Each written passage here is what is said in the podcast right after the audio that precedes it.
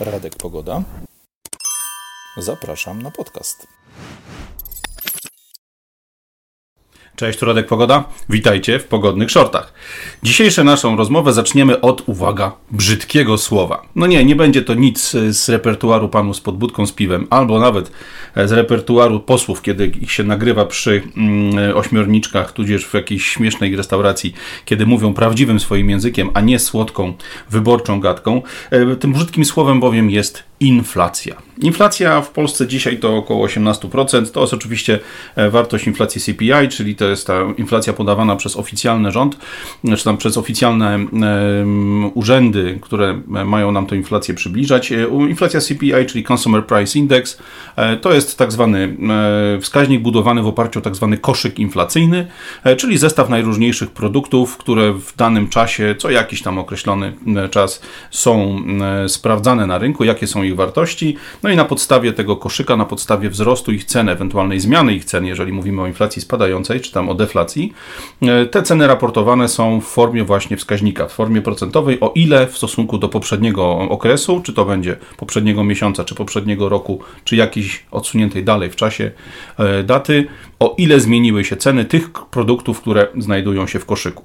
E, nie będziemy dzisiaj wchodzić głębiej w temat koszyka inflacyjnego i tego, jak można nim sterować. Tu pięknym przykładem oczywiście będzie gospodarka tego oryginalnego Gierka, nie mojego ulubieńca Mateusza Morawieckiego, Gierka 2.0, tylko prawdziwego Edwarda Gierka w końcówce lat 70. w Polsce, e, kiedy koszyk inflacyjny był tak zmieniany, aby de facto nie pokazywać ludziom, albo nie pokazywać e, obywatelom tego, jak bardzo inflacja drąży ich kieszenie. I oczywiście oczywiście jest takie, takie stare powiedzonko, można powiedzieć żart, który od tamtej pory się za nami ciągnie, że wprawdzie jajka podrożały i niczego za normalne pieniądze kupić się nie da, takich rzeczy potrzebnych nam na co dzień, mąki, cukru, właśnie jajek, mięsa, innych rzeczy, ale za to staniały lokomotywy. W związku z tym po dołożeniu lokomotyw do koszyka inflacyjnego nagle okazywało się, że gospodarka idzie pełną parą, wskaźniki ekonomiczne mamy fantastyczne, no i co najważniejsze, ta inflacja, ta zmora każdego rządu nie jest tak naprawdę problemem danym czasie polskiego rządu. E, oczywiście to wszystko był bullshit, e, bo ceny rosły. My dzisiaj też możemy jasno sprawdzić po swoich rachunkach e, ceny prądu, ceny e, gazu, ceny węgla, ceny wszelkiego rodzaju produktów spożywczych, paliwa i wielu, wielu innych rzeczy. E, wiemy jakby na własnej skórze w związku z tym, że ta nasza inflacja 18% oficjalna jest właśnie taka oficjalna. To jest wskaźnik, który jest przydatny dla rządów, niekoniecznie odzwierciedla to, jak faktycznie wygląda nasze życie, jak wyglądają ceny naszych produktów. Jak tu wyglądamy w konkurencji światowej? No Polska jest absolutnie w czubie. Mm, publikowałem nie tak dawno temu na Twitterze mm, zestawienie inflacji e, większości krajów tak zwanych cywilizowanych, tych, które pokazują swoje wskaźniki przez, poprzez Międzynarodowy Fundusz Walutowy i Polska była w absolutnym czubie. Byliśmy na czwartym miejscu z inflacją właśnie na poziomie 18%. Przed nami, tu oczywiście w dużym cudzysłowie, bo mówiąc przed, mówię za, w jeszcze głębszej dupie, e, była Turcja, która e, w porównaniu z polskimi 18% miała swoją inflację na poziomie 55%. Kolejne zaszczytne drugie miejsce zajmowała Argentyna, której inflacja osiągnęła właśnie na początku maja 104% rok do roku. No i mistrzem absolutnym, absolutnym niedostrzygnionym czempionem w kwestiach inflacyjnych jest nadal Wenezuela. Co ciekawe, kraj o największych złożach narodowych, najbogatszych zasobach, jeśli chodzi o Amerykę Południową. Kraj, który siedzi na ropie, kraj, który siedzi na gazie, który mógłby być absolutnie Arabią Saudyjską Ameryki, gdyby ktoś mu na to pozwolił. E, tematem Wenezueli myślę, że zajmiemy się w trochę innym spotkaniu przy nowej serii, która już niedługo wystartuje na, na moim kanale, e, a która będzie jakby skupiała się na wywiadach z ludźmi, którzy coś wiedzą o świecie. Na temat Wenezueli porozmawiamy, bo ja nie ukrywam, że porządek w Wenezueli moim zdaniem stanie się wtedy i, i jakby nastąpi bardzo, bardzo szybko, e, kiedy wystąpi jeden z dwóch scenariuszy. Albo wejdą tam Amerykanie, albo wejdą tam Chińczycy. I wtedy nastąpi nagła normalizacja, wtedy wszystko wróci do normy, wtedy będzie to cudowne miejsce do życia, będzie to cudowny kraj do tego, aby się w nim osiedlić, aby w nim korzystać z tego jakby nowego cudu gospodarczego, z, dokładnie z tym, jak to opisywał Biezmienow w swoim podejściu po epoce destabilizacji, po, po epoce totalnego chaosu, normalizacja zaprowadza porządek i jazda. Ale Jak już to stwierdziliśmy, Wenezuela według mnie jest przypadkiem beznadziejnym. Burdel, który tam się w tej chwili od lat panoszy, ta ogromna bieda, która niszczy naród, która kompletnie niszczy ten kraj, nie jest przypadkiem, to jest coś, co jest rozgrywane z zewnątrz i jest jakby prowadzone E, celowo, tak aby właśnie albo Amerykanie, albo Chińczycy mogli ten kraj przejąć na własność. Dlatego Wenezuelą zajmować się nie będziemy, ale spojrzymy sobie na Argentynę. E, jaką mamy dzisiaj sytuację? No wiadomo, kryzys, e, kryzys w Argentynie nie jest niczym nowym. Ten kraj e, miał już za sobą sytuację, w której dochodziło do jego bankructwa, kiedy państwo traciło możliwość opłacania wynagrodzeń nauczycieli, policji, wojska, kiedy nie mogło regulować swoich, e, swoich należności. E, kryzys w Argentynie zaczął się tak naprawdę zaraz na początku COVID-a, kiedy kraj ten został pozamykany, kiedy też na życzenie globalistów władze argentyńskie bardzo mocno ograniczyły funkcjonowanie argentyńskiej gospodarki. Efektem tego mamy sytuację, w której właśnie mamy dzisiaj wskaźnik inflacji na poziomie 104 E, w stosunku rok do roku. E, a co to dla ludzi oznacza? Co to oznacza dla zwykłego argentyńskiego obywatela? No przede wszystkim to nie tylko drożyzna, no bo produkt który kosztował w zeszłym roku X, dzisiaj kosztuje dwa razy tyle. E, oznacza to przede wszystkim spadający poziom życia, ale tak wysoka inflacja oznacza też jedno. Nie jesteście w stanie w normalny sposób przechowywać wartości pieniądza, które macie odłożone. Nie jesteście w stanie e, zachować jakichkolwiek oszczędności, nie jesteście w stanie zachować ze swoich nawet przyzwoicie zarabiających, zarabianych pieniędzy jakiejkolwiek wartości. E, ta wartość po prostu topnieje w oczach. Każdy dzień, kiedy pieniądz leży na rachunku, kiedy nie jest zamieniony na coś trwałego, coś, co przechowuje wartość, oznacza, że za rok ten pieniądz wart będzie połowę tego, co jest wart dzisiaj, albo jeszcze, jeszcze mniej. Jakie, co to oznacza? No, oznacza to mniej więcej tyle, czy oznacza to mniej więcej to, co widzieliśmy pod koniec PRL-u, kiedy wiele osób miało spore sumy gromadzone przez lata, na przykład na książeczkach mieszkaniowych. To była taka forma oszczędzania. Ja pamiętam przypadek mojej osobistej, prywatnej małżonki. Małżonka miała książeczkę mieszkaniową, która w roku 80 bodajże trzecim czy czwartym pozwalała na zakup jakiegoś tam maleńkiego, jednopokojowego mieszkania, kawalerki mm, w mniejszej miejscowości. E, kiedy PRL się końcowo wywrócił w 89 roku i zabrano się wreszcie za temat książeczek mieszkaniowym, okazało się, że wystarczało to na e, parę dobrych butów. Więc tu macie porównanie e, w ciągu niespełna 10 lat wartość gotówki czy wartość waluty, która była tam skomasowana, zjechała z poziomu zakupu maleńkiego mieszkania do poziomu zakupu maleńkich butów. Moja żona ma rozmiar 36, więc kwestia rozmiarów tutaj jest jak najbardziej e, właściwa. E, tak naprawdę, co to oznacza dla, dla ludzi żyjących w Argentynie? No, nic innego, tylko to, że z, na to jakby z tej waluty lokalnej, z waluty, w której muszą się, którą muszą się posługiwać na terenie własnego kraju, opłaca się jak najszybciej uciekać. Zostawić tylko to, co jest potrzebne do zapłacenia rachunków e, i jakąkolwiek nadwyżkę, jakiekolwiek oszczędności natychmiast opłacało się zamienić na cokolwiek. E, mieli w tym momencie Argentyńczycy dwie dobre, sensowne deski ratunku. E, był to albo zakup walut obcych, głównie dolara, bo cała Ameryka Południowa jest oparta praktycznie całkowicie o amerykańskiego dolara. Nawet jest kilka krajów, które tym dolarem się posługują jako po prostu swoją walutą narodową, e, czy tam w tym wypadku narutą, walutą danego kraju, no bo ciężko mówić, żeby waluta narodu amerykańskiego była walutą narodową danego kraju. Ale oprócz do, dolara, rozwiązaniem, oprócz dolara ucieczką był również bitcoin, czyli szerzej mówiąc kryptowaluta kryptowaluty. Jaki był z tego efekt? No efekt był taki, że Argentyńczycy ruszyli po krypto. Już w roku 2020, właśnie kiedy kraj zaczął się zamykać, ten pomysł związany z zakupem kryptowalut bardzo mocno w Argentynie wystartował. Oczywiście było to podhajcowane szałem, który ogarnął kryptowaluty na całym praktycznie świecie w trakcie COVID-a. E, efekt był taki, że w 2020 roku, kiedy jakby robiono badania dotyczące tego, ile ludzi w Argentynie te kryptowaluty posiada, okazało się, że ponad 5% ludności, czyli grubo ponad 2,5 miliona ludzi faktycznie ma jakieś kryptowaluty, w tym, z tymi kryptowalutami na co dzień jest za pan brat, e, handluje nimi, zamienia na kryptowaluty swoje oszczędności. E, cała reszta albo, no niestety, jest strzyżona przez rząd przy pomocy inflacji, albo ucieka do amerykańskiego dolara, no bo w tym momencie jest to e, sytuacja, która pozwala na przechowanie siły nabywczej, na przechowanie jakiejkolwiek wartości e, zarabianych przez siebie pieniędzy przez odrobinę dłuższy czas. Co to, to, to, to oznaczało dalej? No, efekt był taki, że skoro Argentyńczycy zainteresowali się kryptowalutami, to oczywiście ich wartość w lokalnej walucie zaczęła rosnąć. Oficjalny kurs e, teraz na koniec kwietnia to było około 7 milionów argentyńskich peso za jednego bitcoina, ale to był tylko kurs oficjalny ten, który był widoczny w, w systemach bankowych. Tak naprawdę, jeśli chciało się kupić bitcoina, to trzeba było wydać prawie dwa razy więcej, około 14 milionów. To są informacje, które pochodzą gdzieś tam z komentarzy Argentyńczyków podrzucanych do, do tego typu informacji na Twitterze. Natomiast co jest istotne, na ten ruch zareagowały oczywiście firmy fintechowe, czyli te, które są zainteresowane jakby obrotami, zainteresowane funkcjonowaniem na rynku walutowym e, i zaczęły masowo jakby promować, zaczęły masowo pro, proponować Argentyńczykom możliwość właśnie zakupu kryptowalut za pomocą ich platform.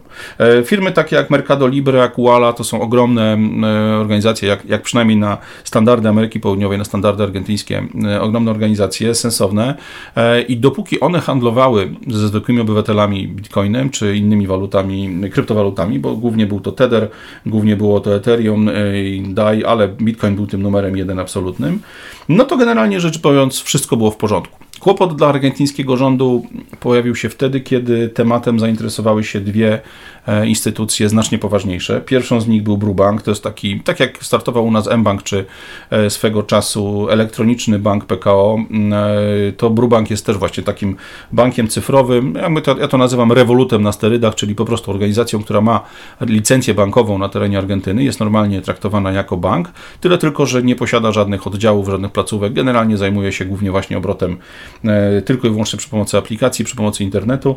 Brubank jako gruby gracz, jako ktoś, kto faktycznie ma siłę i ma przełożenie na sporą ilość obywateli, e, wprowadził do swojej oferty możliwość właśnie wymiany e, argentyńskich peso na bitcoina i na tether.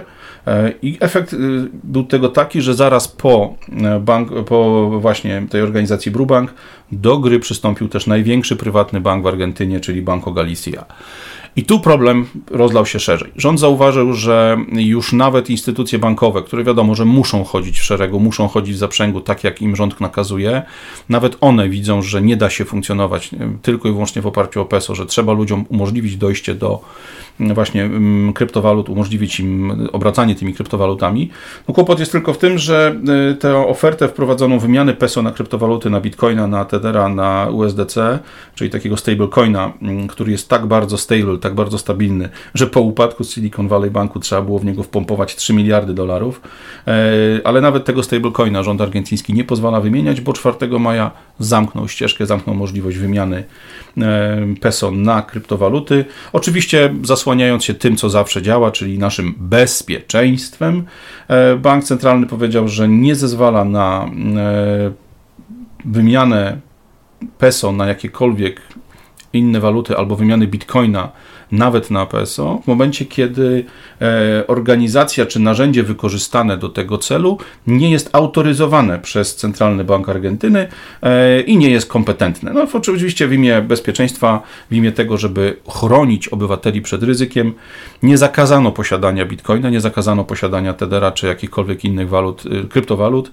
ale zakazano transakcji na platformach. Oczywiście możesz sobie teoretycznie tego, te kryptowaluty dalej kupować w jakimś układzie jeden za jeden, czyli po prostu wymieniając się mm, barterowo z innymi posiadaczami kryptowalut, natomiast nie wolno ci do tego skorzystać z e, platform. Jaki z tego jest efekt? No, biorąc pod uwagę, że już w zeszłym roku, w lipcu 2022 roku, rząd zakazał wymiany bitcoina bezpośrednio na dolara, czyli każda transakcja musiała najpierw być transakcją z bitcoina na argentyńskie peso, a dopiero potem z argentyńskiego peso na dolara, e, no to w tej chwili możliwość, jakby zamknięcie tej możliwości e, w ogóle handlowania kryptowalutami przy pomocy platform, przy pomocy systemów elektronicznych dla Argentyńczyków oznacza kompletną katastrofę, bo de facto nie mogą oni już dzisiaj uratować swoich oszczędności przed inflacją.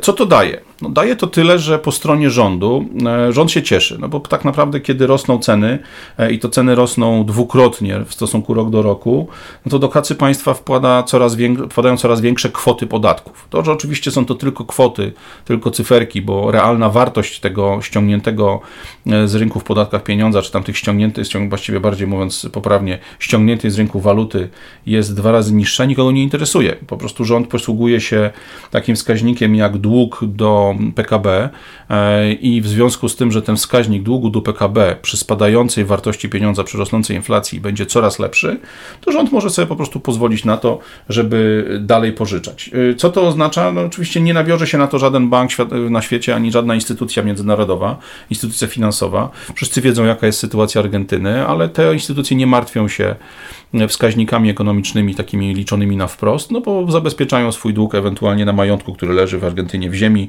którym są dochody ich, czy tam argentyńskich obywateli i tak dalej. E, więc jeżeli tylko rząd zadba o to, aby wskaźnik dług do PKB był w miarę sensowny, w miarę bezpieczny, będzie mógł się dalej zadłużać, emitując obligacje, e, wchodząc w najróżniejsze bałagany finansowe, rolując stare długi, e, tylko i wyłącznie po to, żeby utrzymać się przed władzy, tylko i wyłącznie po to, żeby móc pożyczać jeszcze więcej, żeby móc zasypywać tą dziurę, którą wygenerował sam przez kompletnie idiotyczne mm, lockdowny związane z C19. Kto za to zapłaci na końcu? No tu odpowiedź jest oczywista, zapłaci za to naród, zapłacą za to ci ludzie, którzy wykonują realną pracę, którzy wykonują, um, którzy dają jakąś jakąś realną wartość innym obywatelom, innym ludziom na świecie. Co to oznacza dla nas tu w Polsce? No przede wszystkim pamiętajmy to, co, od czego zacząłem, że Argentyna jest tylko dwa miejsca przed nami, tu przed w cudzysłowie, czyli jest tylko o dwa miejsca niżej w tabeli najbardziej zniszczonych inflacją krajów na świecie. E, polska inflacja to 18%, zaraz przed nami jest Turcja z inflacją 50 parę i Argentyna jest tuż obok, oczywiście tuż obok na miejscach na pudle, natomiast E, znacznie dalej, bo ze 100% czy tam 104% inflacją ten, ten problem w Argentynie jest już znacznie większy. Natomiast kłopot jest taki, że my jesteśmy już w tej grupie, w której nie ma zbyt specjalnie dużej konkurencji. Mało który kraj na świecie ma e, inflację przekraczającą 10%, tą oficjalną inflację CPI podawaną przez rządy. My jesteśmy w bardzo niebezpiecznym miejscu, w miejscu, z którego ciężko będzie się wycofać, szczególnie przy stygnącej gospodarce europejskiej, przy zamierających zamówieniach przemysłowych, przy tym, że naprawdę sporo niedobrego słychać. E, oczywiście na krótką metę to, to są dane e, i też jakby informacje, które ja mam ze swojego rynku, od swoich klientów są takie, że świat się nie zatrzymał, jedziemy dalej do przodu, bo nadal Polska jako kraj taniej siły roboczej jest atrakcyjnym miejscem produkcji, ale co byśmy nie mówili, bardzo wiele mechanizmów na świecie w tej chwili jest wstrzymywanych, bardzo, bardzo wiele e, tematów związanych z, z handlem, ze sprzedażą jest słabszych niż było rok temu, więc po prostu w, jakby w atmosferze, w otoczeniu spowalniającej gospodarki, osłabiającej się gospodarki coraz bardziej bardziej problem inflacji w Polsce będzie się nasilał. Po drugie, widzimy, że rząd Morawieckiego nie cofnie się absolutnie przed niczym, żeby tylko utrzymać się przed władzy. Ci ludzie wiedzą, że są absolutnie skompromitowani, że dwa lata e, polityki covidowej, a wcześniej e, praktycznie 5 lat od momentu, kiedy Morawiecki został wsadzony na, funkcję, na, na funkcję e, premiera, to są absolutnie skandaliczne lata zarządzania krajem, skandaliczne lata okradania kraju przez różnego rodzaju właśnie manipulacje finansowe. Ten facet jest wyjątkowo skutecznym niszczycielem Polski, trzeba to powiedzieć. Wiemy, że nie cofną się przed niczym, wiemy, że będzie drukarka pracowała na pełną parą, bo ci ludzie też e, cały czas walczą o to, żeby utrzymać się przed władzy. Wiedzą, że nie mogą wpuścić nikogo innego, szczególnie ludzi spoza układu magdalenkowego do władzy, bo wtedy zacznie się jakakolwiek zagrożenie dla nich, że e, wszelkiego rodzaju działania, których się podjęli przez ostatnie 5-6 lat, zostanie wyciągnięte na światło dzienne i ktoś w końcu za to odpowie. E, w Polsce problemem również jest stosunek długu do e, PKB, stosunek długu do przykładu krajowego brutto. Polski rząd otarł się o to, natomiast no, tu Morawiecki ze swoją ekipą bardzo sprawnie, bardzo skutecznie poradzili sobie w ten sposób, że te konstytucyjne wymogi całkowicie olali, zignorowali i po prostu zaczęli ukrywać dług w różnego rodzaju funduszach, takich jak choćby PFR czy wielu, wielu innych organizacjach. Na ten temat zrobię osobnego shorta, bo to ciekawy temat e, i ciekawe wartości wchodzą w grę. Natomiast wiemy, że e, rząd Morawieckiego nie działa sam, nie działa w, w zawieszeniu. Ci ludzie funkcjonują w bardzo krótkiej, na bardzo krótkiej smyczy zarówno Międzynarodowego Funduszu Walutowego, jak wielu innych ponadnarodowych organizacji. A tutaj jest pełna zgoda. Już w styczniu 2021 roku pani Lagarde, babka, która jest E, wielokrotnie oskarżaną o korupcję e, politykiem wywodzącym się właśnie ze struktur europejskiej finansjery, e, która dzisiaj jest szefową Międzynarodowego Funduszu Walutowego.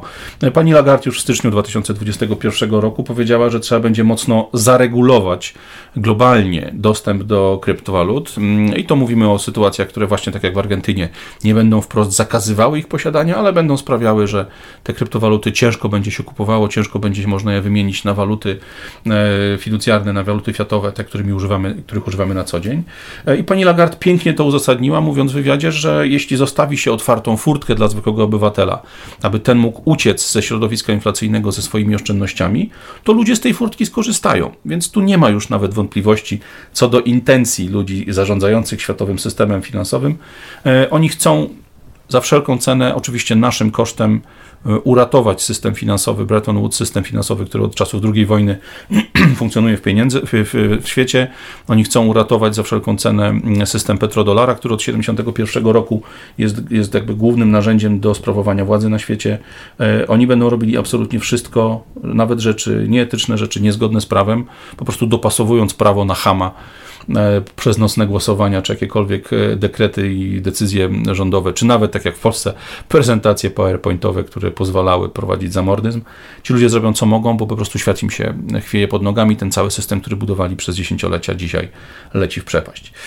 Co my powinniśmy z tym zrobić? My, jako obywatele, jako zwykli ludzie tutaj w Polsce, no przede wszystkim powinniśmy myśleć o zabezpieczeniu swoich pieniędzy. E, zarabiamy ich nadal dużo, dużo mniej niż e, inni ludzie dookoła. Jak patrzę na moich przyjaciół, znajomych, e, kontrahentów, klientów w Irlandii, w Niemczech, w Stanach, w Kanadzie, w tych wszystkich krajach, z którymi pracuję przez lata, mm, to już nawet nie mówię o Japonii czy takich miejscach, które są zupełnie na innym poziomie finansowym, to my zarabiamy dalej wielkie nic. Zarobki Polaków, ok, poprawiły się znacząco znacząco przez ostatnie 6-7 lat faktycznie, od roku powiedzmy nawet 2012-2013, kiedy e, ta, ta lawina długów najpierw wywołana przez rząd Tuska, związane, działania związane z Euro 2012, e, później świetna koniunktura e, jeszcze właśnie za czasów Tuskowych i później doskonałe lata, które miał w, swoich, w swoim czasie PiS, jeśli chodzi o koniunkturę światową. Wszystkie te sprawy sprawiły, że faktycznie nasze dochody znacząco wzrosły w porównaniu z latami 90. czy nawet początkiem lat 2000. Natomiast nadal zarabiamy 2,5, 3, 4 razy mniej niż zarabiają koledzy na, robiący tą samą robotę w Niemczech, w Austrii, w Holandii, w Kanadzie, w jakichkolwiek innych krajach na świecie. E, więc ci z nas, którzy zarabiają ciut więcej, myślmy o zabezpieczeniu swoich pieniędzy. E, tu oczywiście rozwiązania są różne. Można kupować nieruchomości. Jeśli nieruchomości, to najlepiej poza Polską, poza jurysdykcją, nawet nie tylko Polską, ale poza jurysdykcją rządów, które są na absolutnym musiku, które uciekają spod topora. E, jest sporo firm, które się tym specjalizują, sporo ludzi, którzy doradzają w kwestii właśnie zakupu nieruchomości komercyjnych czy zakupu nieruchomości mieszkaniowych w ciekawych krajach, w ciekawych miejscach. Co ważne, jeśli macie trochę więcej pieniędzy, zastanówcie się nad tym, żeby oprócz takiego e, domu czy kilku mieszkań na wynajem kupić sobie również paszport takiego kraju, który bardzo często jest e, po prostu otwarty wprost do tego, aby oferować paszporty, oferować obywatelstwo ludziom, którzy mają jakąkolwiek gotówkę, no, bo po prostu wiedzą, że, że w Europie, w Stanach Zjednoczonych, w tych miejscach opanowanych całkowicie przez e, finansistów i ideologów związanych właśnie z, tą lewacką, z tym lewackim marksistowskim podejściem do gospodarki, z tych krajów ludzie mądrzy, ludzie sprawni, dobrze myślący będą chcieli uciekać. E, nieruchomości to oczywiście nie jest temat dla wszystkich, no bo umówmy się, zakup czegokolwiek nawet w Polsce dzisiaj jest praktycznie poza zasięgiem bardzo wielu ludzi, e, ale dla tych, którzy nie mają aż tak dużo pieniędzy, nadal jakimś pomysłem jest zakup ziemi, nawet ziemi mało atrakcyjnej, a przez to taniej w miejscach takich jak Mazury, w miejscach takich jak właśnie Polska Wschodnia. E, ziemia ma to do siebie, że można ją wydzierżawić, że można na niej, że nawet nie waszymi rękami, ktoś kto ma w okolicy traktor i inne rzeczy może z takiej ziemi skorzystać. Do tego są różnego rodzaju dopłaty unijne. Można na takiej ziemi posadzić jakieś uprawy, za które wy możecie dostawać opłaty bezpośrednio. Jeśli będziecie mieli chwilę, przeanalizujcie to. Ja też zresztą zrobię też program w nowej serii e, jako wywiad z jedną z osób, które w tego, tego, tego typu tematach siedzą. E, możemy też kupować rzeczy, które mamy w naszym zasięgu. Możemy kupować srebrne monety, możemy kupować złoto w jakichś tam drobnych sztabkach, nie wiem, jednogramowych czy pięciogramowych. Możemy kupować kryptowaluty. Natomiast tu trzeba po prostu pamiętać, o tym, że tak jak w przypadku Argentyny, wymiana tych kryptowalut może być utrudniana, obrót nimi może być coraz trudniejszy. E, natomiast wiele osób z, tych, z nas, szczególnie tych, którzy nie mają jakichś większych zobowiązań związanych z rodziną, z dziećmi i tak e, może wykonać też to, ten proces, czy zadziałać tak, jak wielu naszych rodaków zadziałało przez ostatnie 20 lat naprawdę sensownie zastanowić się nad możliwością wyjazdu z tego dzikiego kraju, bo nawet jeśli e, nasi rządzący nie przyniosą nam wojny, choć jak widzicie, robią co mogą, żeby do, to, żeby do tej wojny nas wciągnąć e, najszybciej, jak jest to tylko możliwe, to na pewno przyniosą nam biedę. E, znowu short mało pogodny, e, ale przynajmniej z tą iskierką nadziei, że mimo tych wszystkich ruchów, które na świecie dzieją się właśnie wokół tematu kryptowalut, wokół możliwości, czy właściwie zamykania możliwości ratowania naszego kapitału, ratowania naszych pieniędzy, te możliwości nadal są. Wystarczy tylko ruszyć głową, ruszyć dupę z kanapy, wyłączyć Netflixa i zamiast y, wysyłać w zębach co miesiąc swoje pieniądze do jakiegoś standardowego banku, tracić na nich podatek inflacyjny, tracić na nich podatek od oszczędności, od jakichś tam groszowych zupełnie oprocentowań i tak i tak nie zapomnijcie, że nadal zabierają nam podatek belki, podatek od, od zysków kapitałowych. E, nie myślmy o tym, że się nie da zrobić niczego. Nie myślmy o tym, że jesteśmy zamknięci w jakiejś matni, że jesteśmy zblokowani całkowicie. Nadal tych możliwości trochę jest. Można coś kupić, można tą naszą walutę zaprząc do pracy przez właśnie e, zakup jakiegoś, jakiegoś rozwiązania czy narzędzia, takiego choćby jak nieruchomości, które może generować nam pieniądze, pieniądze. Możemy stać się właścicielem kawałka ziemi, możemy stać się właścicielem srebrnej monety, złotego, złotej maleńkiej sztabki, czy choćby kryptowalut, e, a w końcu, jeśli trzeba będzie, możemy wyjechać, póki jeszcze jest nam to wolno. Korzystajmy z tego, bo naprawdę niewiele dobrych rzeczy dzieje się dookoła przez ostatnie lata i widzimy, że to, co się zmieniło na pewno przez ostatnie 2-3 lata od momentu, kiedy zaczął się burdel covidowy, to przede wszystkim zmieniło się podejście rządzących do nas, do zwykłych ludzi. Nikt już się nie przejmuje tym, co powiedzą dziennikarze, bo dziennikarze szczekają dokładnie tak, jak nakażą im ludzie z polityki, a ludziom z polityki nakażą ludzie z korporacji, z wielkiego ponadnarodowego biznesu. Nikt się nie przejmuje tym, co się o nich mówi, nikt się nie przejmuje tym, co się, jak, jak, jakich e, treści na ich temat zostały nagrane to wszystko już spadło, te maski już spadły. Nikt już nie próbuje udawać, że funkcjonujemy w jakimkolwiek systemie e, zarządzanym przez naród. E, ta demokracja jest tylko wydmuchą, jest tylko listkiem figowym, który przykrywa wstydliwe działania naszych władz. Nie dajmy się kupić za trzynastkę, czternastkę, nie dajmy się kupić za jakieś debilne obietnice kiełbasianej, mm, e, kiełbasy wyborczej. Miejmy świadomość, że praktycznie cały świat zachodni został zrujnowany, absolutnie zrujnowany przez ruchy związane z COVID-em. Myślę, że wielu z nas wie już dzisiaj, że nie był to przypadek, że nawet jeśli sama akcja Dawidowa nie została wywołana celowo, to na pewno została wykorzystana przez bardzo wiele sił na świecie, ale na ten temat zrobię też osobny materiał, bo mam swoje przemyślenia w tej kwestii. Najważniejsze jest jedno: nie dajmy się uśpić, nie dajmy się zaczarować tym właśnie serialem Netflixowym czy czymkolwiek innym. Czasu mamy coraz mniej. Trzeba ruszyć dupę z kanapy, trzeba wyłączyć Netflixa, trzeba zacząć coś robić. Tyle z mojej strony. Bierzmy się do roboty, nie tylko tej zawodowej, ale też tej, która sprawi, że nasze oszczędności będą bezpieczniejsze niż były wczoraj. Trzymajcie się, Radek Pogoda, do następnego. Cześć!